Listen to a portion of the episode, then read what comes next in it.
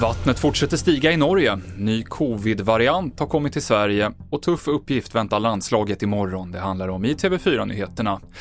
En 15-årig pojke har begärts häktad på sannolika skäl misstänkt för medhjälp till människorov i fallet med en 14-åring från Nyköping som är försvunnen sedan två veckor tillbaka. Han anmäldes försvunnen samtidigt som en annan 14-åring som sen hittades mördad i Nynäshamns kommun. Vattennivåerna fortsätter stiga i Norge efter ovädret Hans och senast igår varnade statsministern Jonas Gahr Støre för att faran inte är över.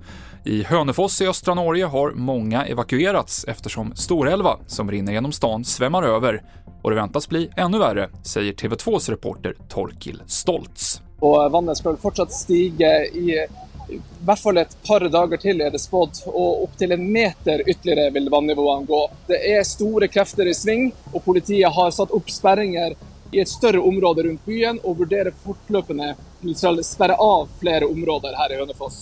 Bilder på de norska vattenmassorna kan du se på tv4.se. Det finns personer här i Sverige som fått en ny covid-19-variant som blivit vanligare i andra länder. Eris är en undervariant av omikron och symptomen är som vid en förkylning. Lite ont i kroppen och feber, som för en del kan bli ganska hög. Men precis som tidigare mutationer verkar den här varianten mer sällan leda till allvarlig sjukdom enligt Folkhälsomyndigheten. Till sist fotbolls-VM.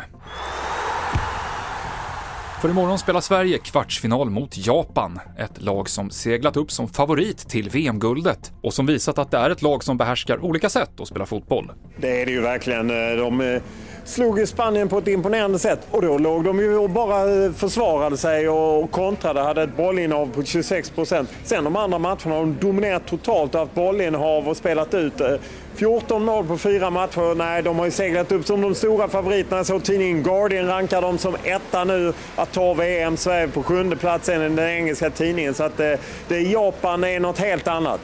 Fotbollskanalens Olof Lund. Det avslutar TV4-nyheterna med Mikael Klintevall.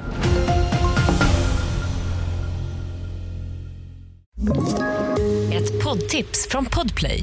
I fallen jag aldrig glömmer djupdyker Hasse Aro i arbetet bakom några av Sveriges mest uppseendeväckande brottsutredningar går vi in med hemlig telefonavlyssning och, och då upplever vi att vi får en total förändring av hans beteende. Vad är det som händer nu? Vem är det som läcker?